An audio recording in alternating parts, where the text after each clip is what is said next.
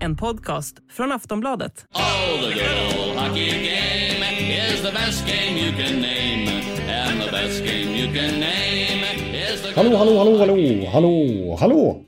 Ja, nu har jag och Per Bjurman precis spelat in ett nytt avsnitt av NHL-podden, det 376 i ordningen. Eh, Och vartannat avsnitt är ju numera i plus. Som ni då hittar i Aftonbladets eller Sportbladets app. Men eh, så finns också samtliga NHL-poddavsnitt nu också i Podmi-appen. Podmi alltså, eh, där ett månadsabonnemang kostar 79 kronor i månaden.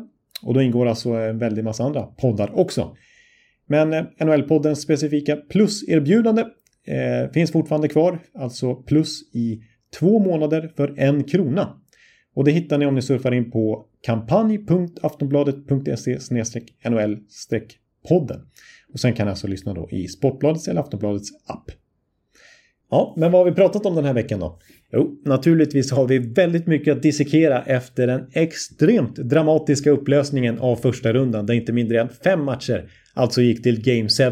Och så har vi ju faktiskt en minst lika intressant andra runda att blicka framåt. Eh, till exempel Battle of Alberta. Och vi har ju Derby i Florida dessutom också. Så att vi har mycket att hugga tag i. Och vi tippar naturligtvis utgången i de fyra matcherna vi har framför oss nu.